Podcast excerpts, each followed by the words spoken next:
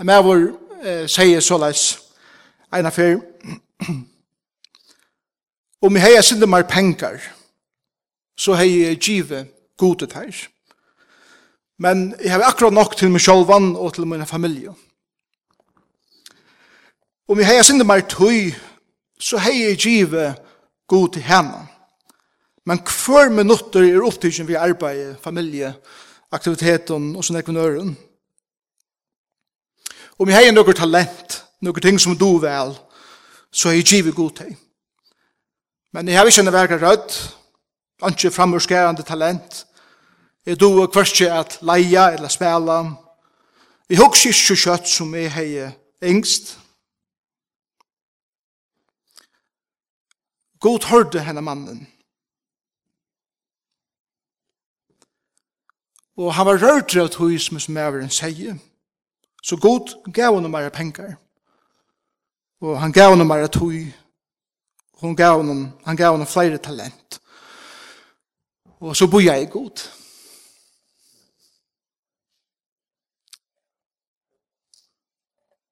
Og han bor jeg. Inntil etter rommet tog god ypte øksel. øksl og tok alt atter som han er givet mann. Penigen, tøyene og talentene. Så sier bæveren, hei jeg bare finner et sindra som pengen atter, så hei jeg givet god til deg. Hei bare finner et sindra som tøyene atter, så hei jeg givet god til henne. Hei bare finner nøkker av talenten atter, så hei jeg givet god til deg. Og god sier mannen, nu kan det være nok. Og Maver vender seg av og sier vi sånne vinner, vi er så en god gåver, og vi skal trykke av ham. Og i Lukas 12 tåsar Jesus om luknelse om ryka daran, ryka bøndan som god kallar fyrir en dara, Og i Lukas 12 stender Jesus og prædikar. Fra fyrsta verset i kapitel 12 og lykka fram til om det 13. vers stender Jesus mitt ui en tale, akkurat som jeg gjør i det. Og han tåsar om et møvelig livsens evner, han tåsar om liv, han tåsar om, om deia, han tåsar om higl, og han tåsar om det å være ærligur. Han tåsar om Tuttningen av at elska, og han tar seg om heilalega gods. Han tar seg om at her, at tuttningen av at ötta skot, tog at det større gods ötta vi heva, tøs minne menneske ötta heva vit. Og mitt ui talene, medan Jesus stendur ut helar, kjemur ein med vår seg fram tjokken fjöltena, og spyr Jesus ein fullkomlig, ovikommande kursi til talene, spurning. Spurning. Og det er så til å sønne hvordan Jesus eh, handlar til situasjonen. Det kan stå på Lukas kapitel 12.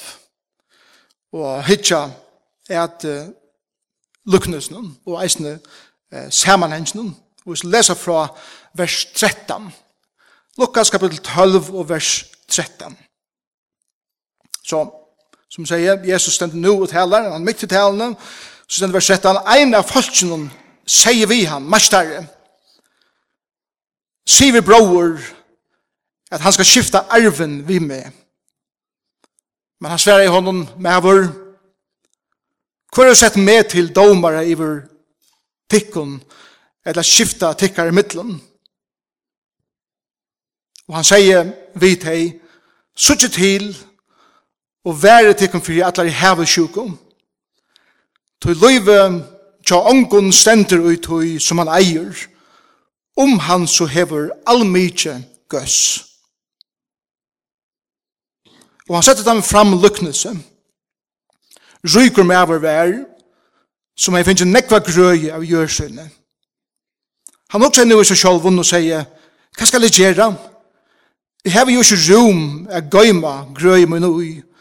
Så sier han, hetta skal jeg gjøre. Jeg skal riva nye løvmøyner og bytja det større. Og så skal jeg sauna alle grøymøyna og alt gøsmøyt inn i der. Ta skal jeg sia vi salmøyna, sal. Du har nekv godt lidjande nye fire til mange år. Omtær nu fri.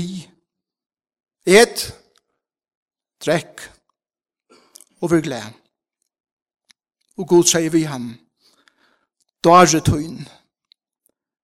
Hesa nått vil du krauter etter sjal tøyne.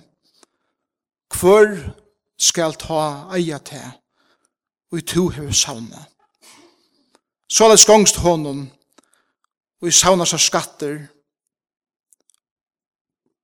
og i rikki ryker, og i god. Så sykja dit, støvende fyrtøkken. Jesus stender her ute, og han stender ut heller, og det er en storm mannfjöld, og knappt det kommer som er en alboende fram, og han kommer ved en fullkomlig og relevant spørning til det som Jesus tåsar om, og, og han, han råper det her bare, bare midt ut og i, i toma luft til Jesus, og sier vi han, Mastare, sier vi bare sammen, Fæll bætja mun og sivi han at vi skulle hava det som vit hava uppeborja fua. Og jødiska mentan hever eldre bætjen eh, rætt lovliga at hava dubbel, at fua dubbelstående arv som det yngre bætjen. Men hesten eldre bætjen, hesten yngre bætjen vil hava meir enn det som er hans herre. Og det er det som ligger i isen her. His maveren, han hever en trobleika. Jesus kjenner hans trobleika. Og det er at jeg er ikke nøkter vidt det som er fag. Jeg vil hava meir. Og Bibelen og Jesus kallar det her for havesjuken. til fire det som er en kjemen til Jesus er ikke til at han vil forstyrre talene, Det var ein mentenalig sier i Israel at ein rabbinare, eller ein mastare, eller en lærare, som, som heie en, en stor myndelaga, vi først var bruktur som ein slags domare, at møte om og komme vi som visdom inn i imenskar trobeleikar som mulig var i familjen eller i øren vidskiften at, at, at se sånne mening om tingene. Og Jesus sverer hos mannen atter, ta han sier, så er vi han, maver, og skrek, at en skrek uttrykk, hei maver, han sjolver, Jesus kallar han ikke ved navnet her, bare han sjolv, men veit, Jesus kjente hans navn, Hvor har sett med til domar i vitikken? Vi gjør når han, og i min egen omsetning, kan reka det med? Til det som Jesus sier, jeg vet. Men hva kan reka det med? Jeg tog kommer her og bryter meg at herlig av, og vi er en, en som er fullkomlig orelevant til det som er tosium. Korsene leder Jesus ikke på henne mannen færre steder. Jesus veit hva det er som er gale, og han teker hese her situasjonene og borer inn i mergen av henne, her som trobladjen verlig ligger. Så jeg tar det ikke av det som kontekst, så ser det ut til at oiva er papen eh, deir. Og sinene skulle teka eh, arbeid og arven vujare. Men det som hender er det at det er klantor bors ur arve. Sjån, det kjenner vi ikke til i fyrjun. Ønsken klandrast om arv i fyrjun. Jeg steiler bygga landet hver ønsken gjør det. Og, og sjåvande ønsken av tikkun til okkun er nekrande innovera over nekra såret. Etla? Etla fett? Nu kan du sjål tikkis et sendingun hver man kan sutja for klandrast om arv og det er blivet et rein underhalt. Jeg sutja familier vera knustar sunder og splittreier på grunn av tinkun, penkun, som Jesus sier, ikke hever jeg sier. Da vi tar så om tøytningen av hva løyve verlig snur seg om. Og det sier Jesus i vers 15. Suttje til, og vær det kan fire atler, og atleire her er bedre omsett, öllum mövjum slægi av allsins hevesjúkum. Til at hevesjúka teker ótrúla nekvar, nekv skap og imiska formar.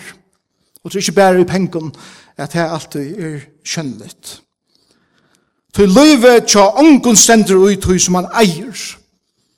Og her er vi godt å finne et ordentlig amen. Amen Men sjående djevel ikke til at tog at vi ødel vet at her at vi tjeder utrolig størst vir i hva vi eier. Og vi tar som hvordan millioner han eller hon er verdt og så videre. Og vi utan å huske om det meta folk etter tar oknen og tar pengen og hvordan jeg tar ikke etter seg. Og få null vi henne. Koma nætjen inn i heimen og færa ur at husen heime fullkomlige nætjen. Hava sjuka ei kjenner okkara dier. Hava sjuka ei kjenner mutt liv. Og hava sjuka ei kjenner tikkara liv. Ødle av okkon heva av og av hesa kjenslene. Og Jesus avverrar imot hæsson at hatta ikkje skal teka iver til okkon, så at ørste det verer knusta familier og knust liv og knusta personligheter i livenen. Trobeleisen av Jesus er døven, ikke bare Jesus er døven, eisen er okker døven, er til at farsierne lærte og sin lære, at ein som er ryker, er siknavur av gode, og ein som er fatakur, må være tog at God hever et eller annet forbandelse iver ham og tøy vær ein stor trångt av ryker. Vi tar akkurat det samme i det, og i så mekon kyrkjon og sankomon, og eisne vettel kristen, er at du måst være sikna være god til at du er så ryker eller ryker.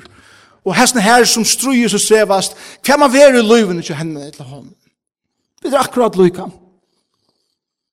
Og vi, vi suttja talar fra talar som sier at kom til Jesus så skal han signa det vi ødel møvelig og materiellen og til det reina tvattl. Løyve hever ikke å si jo i sånn her. Null. Ta vi fer inn i salna og hitje at hui som goder aho over og i kjupner i okkar hjärsta. Jesus sier så i sin lukkensen God matar ongan person etter hans herre åknen.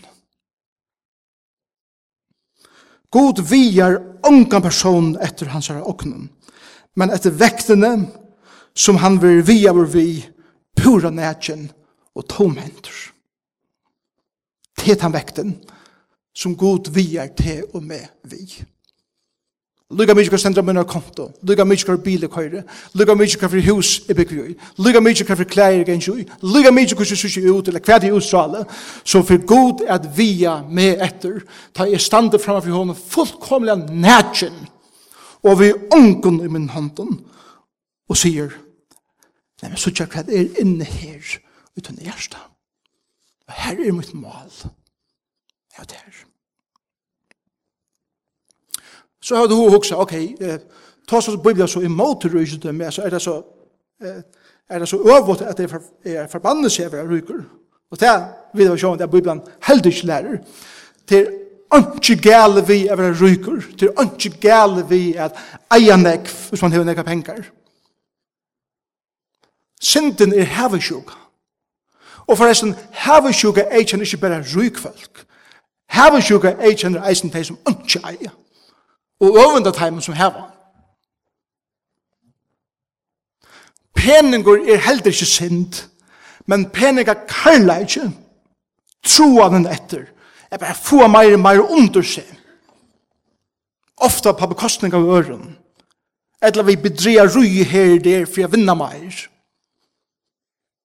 Er synd. Det er det som Bibelen lærer, og det er greit. Og det som vi sørger i denne teksten er til at for det første havesjuka er vi til å skapa strøy og split. Det er det første. Det er sånn at vi i denne versen. Hesten Maren kommer, han, han, han, han er i øyene ser det ut til, at han er kurset og er frustreret vår, han vil ha hjelp, og det skal være her og nå, og han bryter inn i samtiden i talen av Jesus og sier, «Si vi bror!» Altså, han gjør Jesus en bå her, bant. Han spyr ikke en gang. Så, så tenser er ikke mæveren. Tog heima, er et forhold som kanskje ena for hver, eller godt mellom tver prøver, eller mellom syskjen, og eisen mellom fra eldur og bøten, det er veldig godt. Og de arbeider sammen, og, og det er så fyrtøkene vekser. Og, og det, det, det så sikningene komme inn i vår, og mövliga har det eisen vært vidt til at jeg sikner ånder, men en til æresten er hendig et eller annet. Hver fokuset, i stedet for at vi er ute etter, ventes inn etter, for å få fætre meir.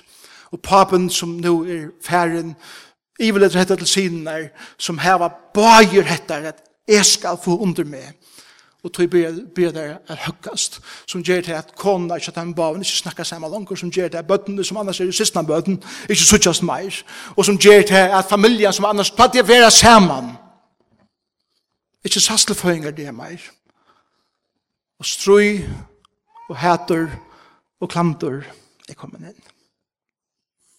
Her vi sjuka gjerra det her tid.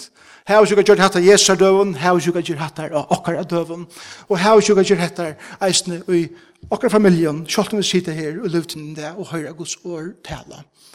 Så sier Jesus, vi væren. Vi væren.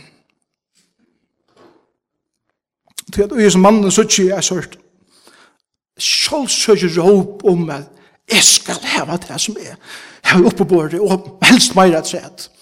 Og Jesus sier, akkurat hattar, og akkurat hattar attityden, er symptom på en hjertasjuk, som heter hevesjuk.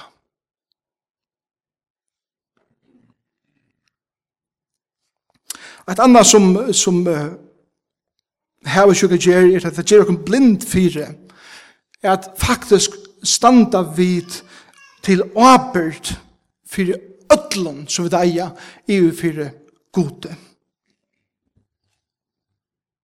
Alt som to og e eia standa e og to til abert fyrir, fyrir gode og vi svære ein det.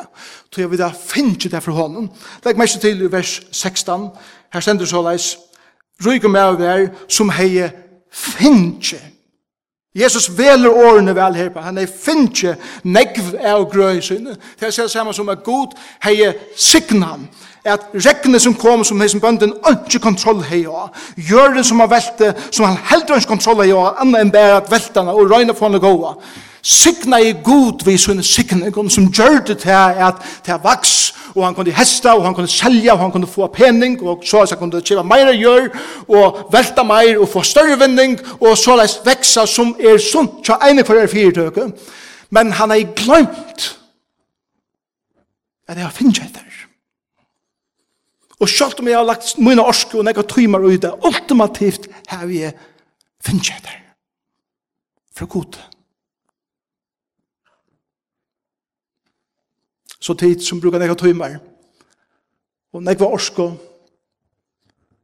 Og gjøre store uiløver. Og tid hugsa, jeg har sannlega strusfrihet her. Og det har jeg dit. Og det er godt. Gløym bare ikke. At ultimativt har jeg dit finnje. Det er. Fra god. Han er utgivet i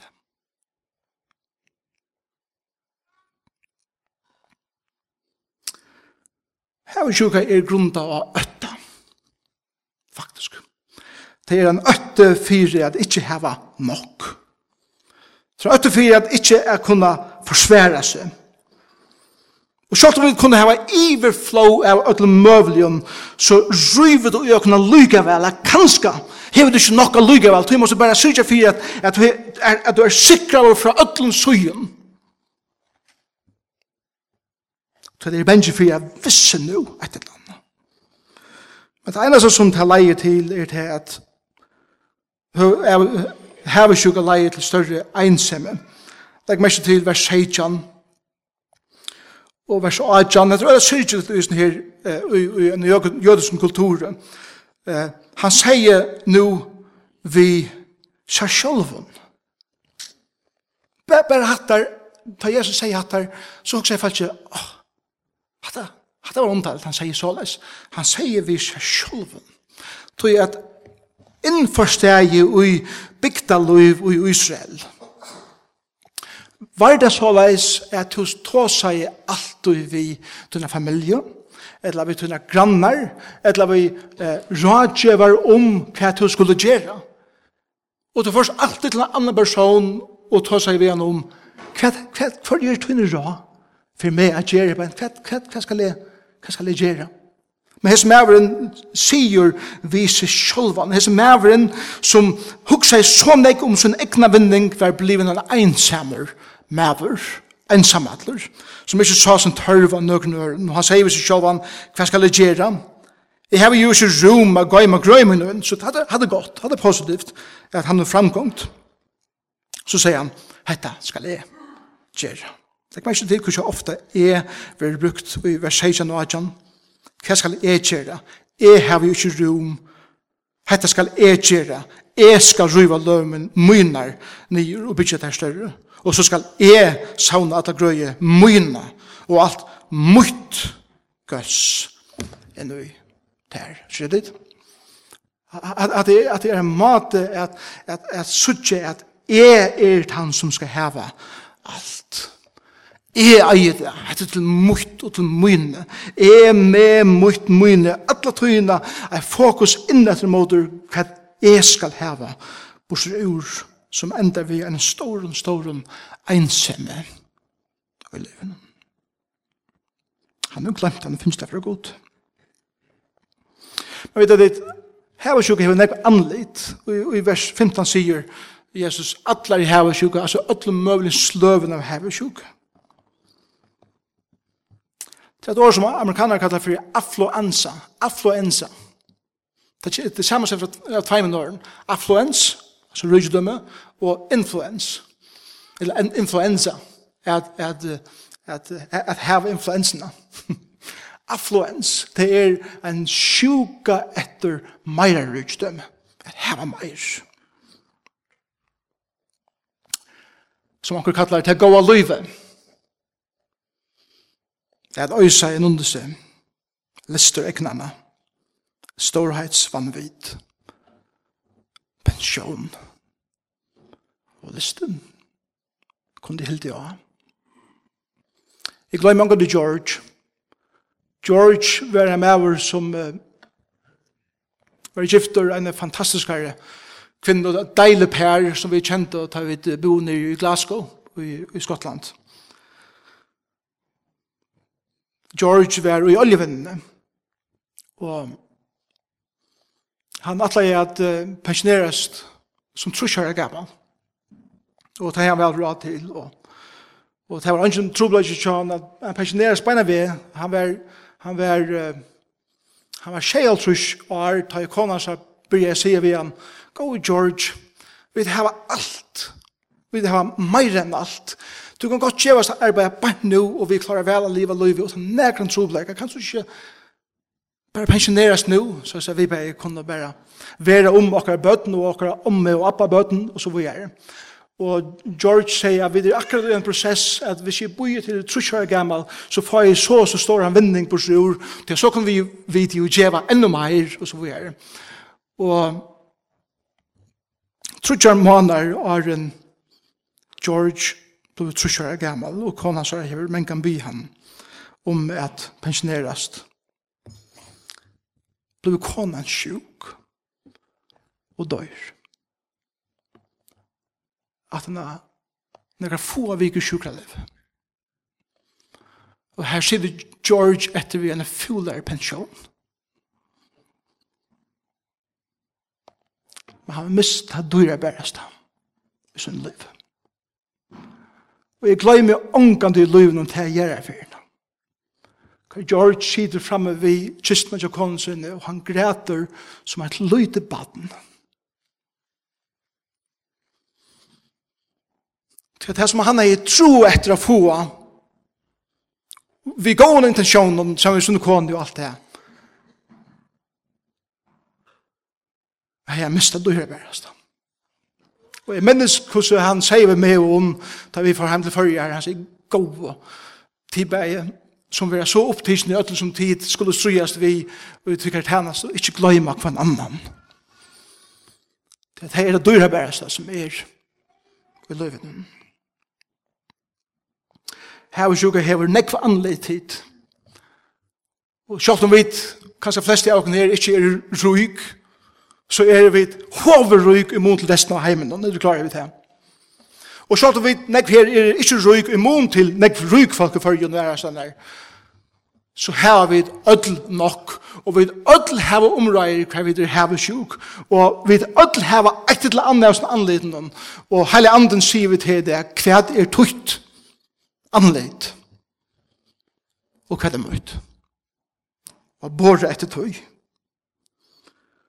Jeg synes jeg dit, i vers 20, Nå det som æveren sier, Nå skal jeg ete og jeg skal tjekka, og jeg glæver, Nå skal jeg liva løyve. Jeg vil oppe på det.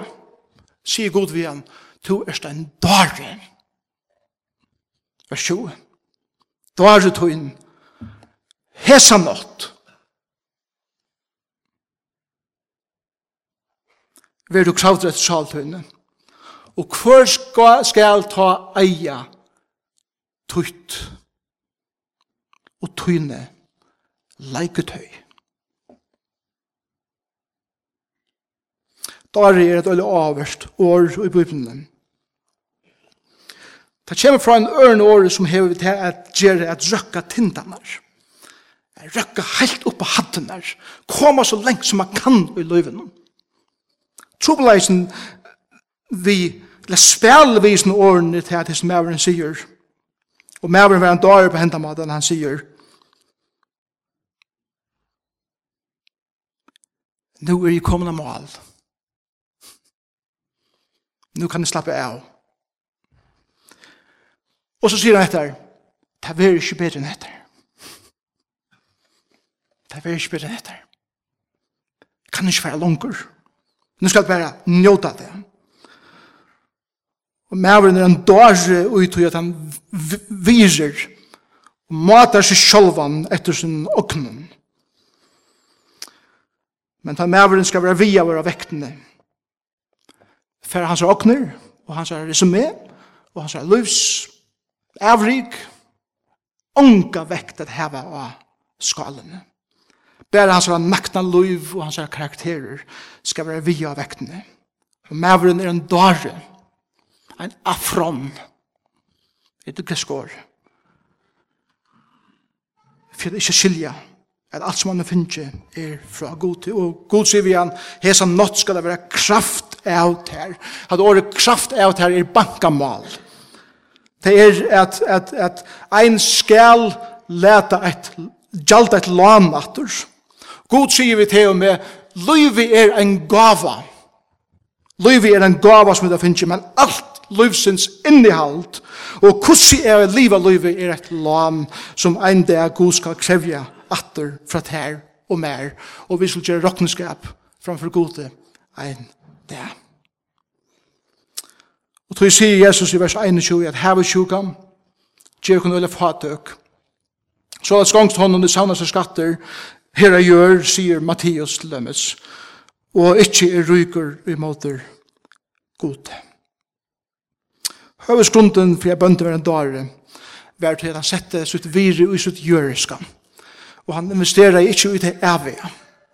Og han tog ångas han er god inn i myndina og brukte det som han vanser til at signa andre mennesker vi og til at bytja Guds rydse her gjør vi. Han også er bæra om seg sjolvan. Hva er det? Enda mal Guds vi er signa okken Og enda mal gods vi er gjerra som folk hoverruik er fyrir at de skulle teka til rujudømme og spyta det inn i Guds rujtje så at ånden kunne være sikna i. Og til lytla som er hever og som to hever, til skulle vi eisne teka lyka proportionellt til som han ryker hever og djeva av okkara. Så at Guds rujtje kan veksa i sin heime og ikkje mot egna kongarujtje. Og her vil sjukka gjøre okkur blind for tog som hever tøtning til at andre ting koma og døyva til. Og i fadden gamle døvum gjør det kongren av Siem. Siem er det gamle rysje i Thailand. Han gjør det nega utrolig snilt for sinne fudgen der. Han gjør det nega for sinne fudgen der som han yngste er at øya og få valda. Og det var det at han gjør det heter. Han sendte heimen eina helt særstega gav han gav han vært han kvite elefanteren. Så fortsatt ikke kongen fikk en kvitan elefant og gave. Den kvite elefanten i Thailand var et heilagt djur som ein og hver som fikk djoret måtte og skulle teka seg vel av.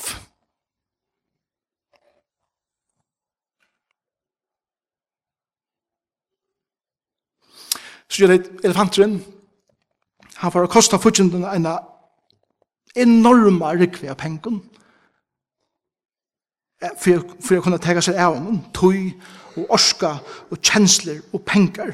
Og som tøyen Jack byrja jeg som fortjenten å hokna undan, eller under byren i av sin elefanten. Som gjør det at han er unga tøy etter, han er unga orska etter, han er unga penger etter, tøy at hans elefanten kravde alt fra honom. Og så er vannkongren og sin fortjenten til han leia av så ikke øyne hva det her, er snitt i det andalige livet. Jeg vil ha en andalige fudgjende, som brukar som strategi som kongren av Siam. Han gjør alt hva han kan for å halde okken opptidsen. Han gjør alt hva han kan for å legge disse viren i åken som vi må ta åken av, som tega okker tøy, som tega okker orsko, og som vi øysa okker peningen ui, inntil vi til enda hokna under tøy.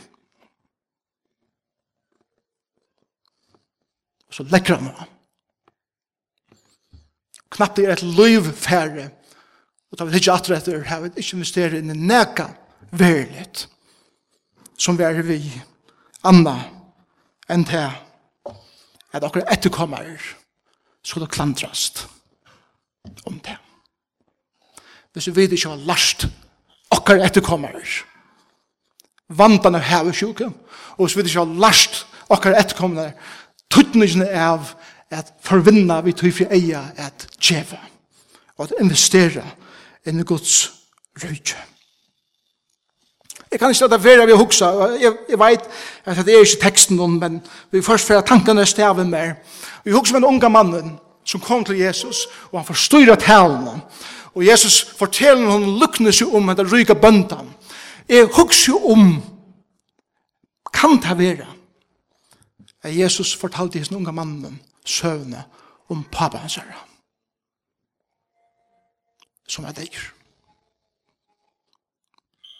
Og det er ikke mer for sted, og han ikke bare finner søvne om at jeg styrer i havsjuke, men han finner søvne om hvordan pappa min får, og hva det har gjort vi åkken som familie.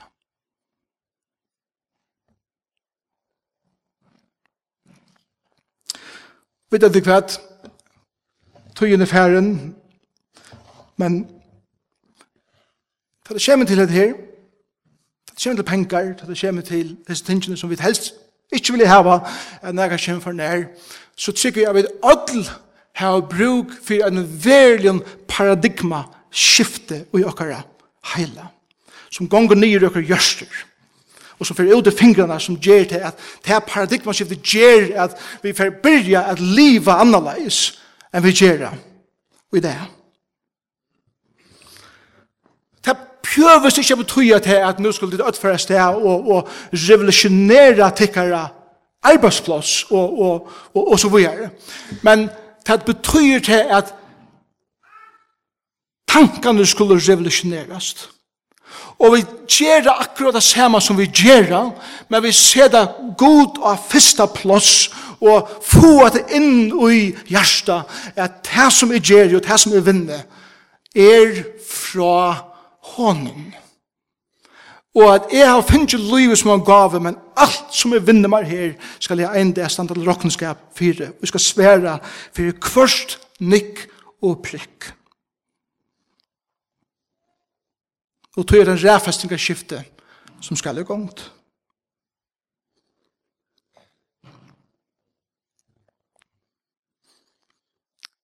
Og vi har bruk for at begynne at kjeva og investera meir inn i Guds rydtje enn i okra egna rydtje.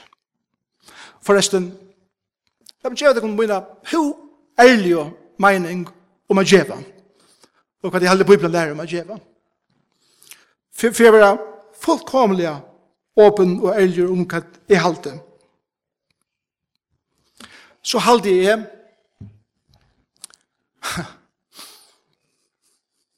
at det er nok så ringt at djeva nega som er okken djive. Vi gjør når om vi tar oss om at jeg har djive så som nek. Sporing som er er og, og hva er det finnes det Hva er det finnes det fra? For gode og, og tog djevel god av det som han gav til her. Det er som var djevel jolapakka, at onker gav meg jolapakka, og du djevel vi kommer til atter og sier, kjers vel en gav fra meg. God er så mykje gåver vi okkon, at han sier, ok, 100% av tusen du eier, har vi givet her. Men avbjørgen som du skal få fra meg, er til at du eh, teker 20% av det som jeg har givet her, og gjør det beina vi atter til munn, så skal jeg lære deg her 5% etter. Det skal du få fra mer. Men han eier tutsjendene. Åren skatt, åren nøkker råkning, åren nekka som helst, helst er betalt. Eier han tutsjendene. Det sier han. Og forresten, ikke fyrren vi har givet gode tutsjendene kunne vi byrja kalla det for et djefa. Det er min mening. Så, så til angst spyr meg, hvordan jeg held jeg burde djiva, så sier jeg, eh, 20% er godt å byrja vi. og at det her, så, så kan du, kan det byrja hugsa om med hva det er at djefa. David sier det utrolig vel. Jeg vil ikke djeva goden nega som ikke kostar meg nega. Og jeg, jeg føler det likevel som tid. Og jeg vet, til, til side her som nelt i stolen, er det som jeg sier. Men forresten, jeg hadde Bibelen sier det. Jeg hadde ikke det jeg som sier det. Og jeg er også ikke fire høyre der. Tog at dette paradigmaskiftet må skal være litt gongt og i munnen løyve. Og tog er det, i sin teksten her, i kapitel 12, ta i det komme heim, og Jesus er ensam av lærersvennen, så sier Jesus vidt her, og i vers 22 og, og 23 så leis. Han sier ved lærersvennen synder, til jeg sier til henne, styrer ikke for løyvenen, hva de skulle eta, ei heldig for likhamnen hva de skulle fære ui. Løyve er meir enn mæter, og likamme er meir enn klær. Akti etter raunen, akti etter liljen, tåsar om hvordan god syrger fire er öll få søtt. Og jeg for jeg stande her i det, og jeg får ikke garantere for jeg vil til djeva, tutsjon og meir enn det, så for god er sikna det kommer mer rysdømme, men jeg kan garantere det er god for at syrja fire. At du har slett ikke høtten i kottan om kvalitet, og vita, at sjalt om jeg har mist mine fyrtøk, og sjalt om jeg måtte selja mine hus, Og selv om alt møvlet til å komme inn i løyve, grunnet av det som er djeve, så kan jeg letja meg nyer og kvilla ui at Herren skal tega seg her. Ja, mer. Og heva den frien som bæra god kan gjeva mer og der. Løknese om ryga daran er ei som borar heilt innan merk.